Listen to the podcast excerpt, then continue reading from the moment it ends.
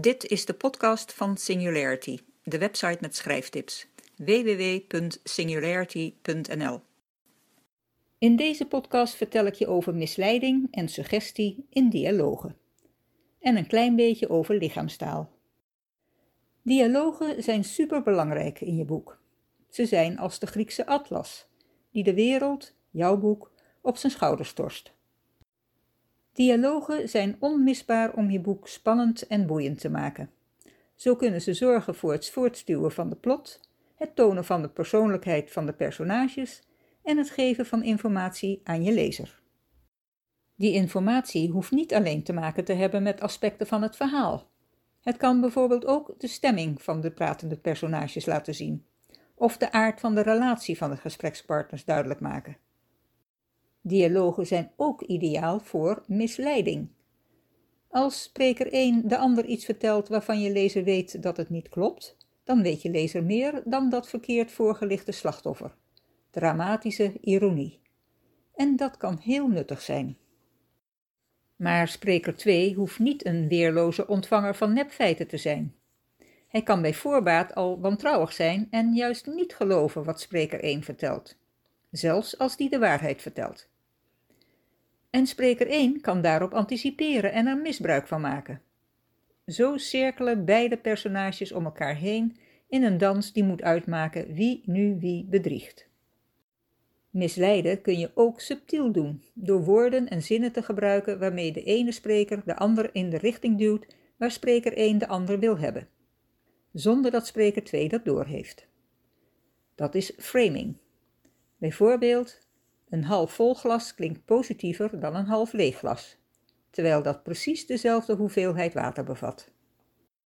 Je kunt ook je lezer misleiden als hij niet weet dat het niet klopt wat een personage vertelt. Hij denkt dan dat A gaat gebeuren en wordt dan volkomen verrast als het B blijkt te zijn. Nou hoeven de meeste dialogen niet om een strijd wie de handigste of slimste is te draaien.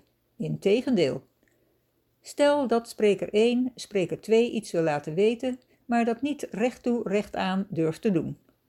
Bijvoorbeeld als spreker 1 stiekem verliefd is op spreker 2 en probeert uit te vissen of spreker 2 dezelfde gevoelens heeft. Dan kan spreker 1 het gesprek de kant op sturen van liefde. Bijvoorbeeld door het over een romantische film te hebben, waarin alles verkeerd gaat en aan het einde, na heel veel misverstanden, krijgen ze elkaar nogal stereotyp, maar het is maar een voorbeeld. Daar kan hij bij zeggen dat de man in de film viel op onder andere de daadkracht van de vrouw. Net zoals jij hebt, zegt spreker 1 er dan suggestief bij, en kijkt haar verwachtingsvol aan hoe ze daarop reageert. Even tussendoor, ik voer steeds spreker 1 en spreker 2 op, maar een dialoog kan natuurlijk uit meer dan twee sprekers bestaan. En dan lichaamstaal. Communicatie bestaat niet alleen uit praten, maar vooral ook uit lichaamstaal. Lichaamstaal is veelzeggender dan uitgesproken tekst, want meestal onbewust. Eerlijker dus dan dialoog. Uit de lichaamstaal van je personage kan de gesprekspartner afleiden wat de gemoedstoestand van de ander is, of hij de waarheid spreekt, hoe hij tegenover hemzelf staat, enzovoort. Dat geeft de gesprekspartner en je lezer veel informatie en ondersteunt dat wat je met de dialoog wil bereiken. Tot slot een paar voorbeelden van emoties en bijbehorende lichaamstaal. Boos of agressief. Priemend naar de ander wijzen, vuist schudden, met de vuist op tafel slaan, samen geknepen ogen. Angst, op lip bijten, wegkijken, snelle ademhaling, zweten, nerveus lachen verveling en ongeduld. Gapen, wegkijken, met een pen op de tafel tikken of met de voeten op de vloer. Blijheid en geluk. Lachen, glimlachen, neurien, zingen, dansje maken. Verlegenheid. Blozen, wegkijken, op afstand blijven. Shock. Mond wijd open, ogen wijd open, handen bedekkende mond, naar adem snakken. Trots. Kin omhoog, borst vooruit, schouders naar achteren. Zo ongeveer als de beginstand bij veel fitnessoefeningen. Verdriet. Opgerold in feutushouding, verwrongen gezicht, trillen, huilen, gezicht verborgen in de handen, slepende trep. Wantrouwen.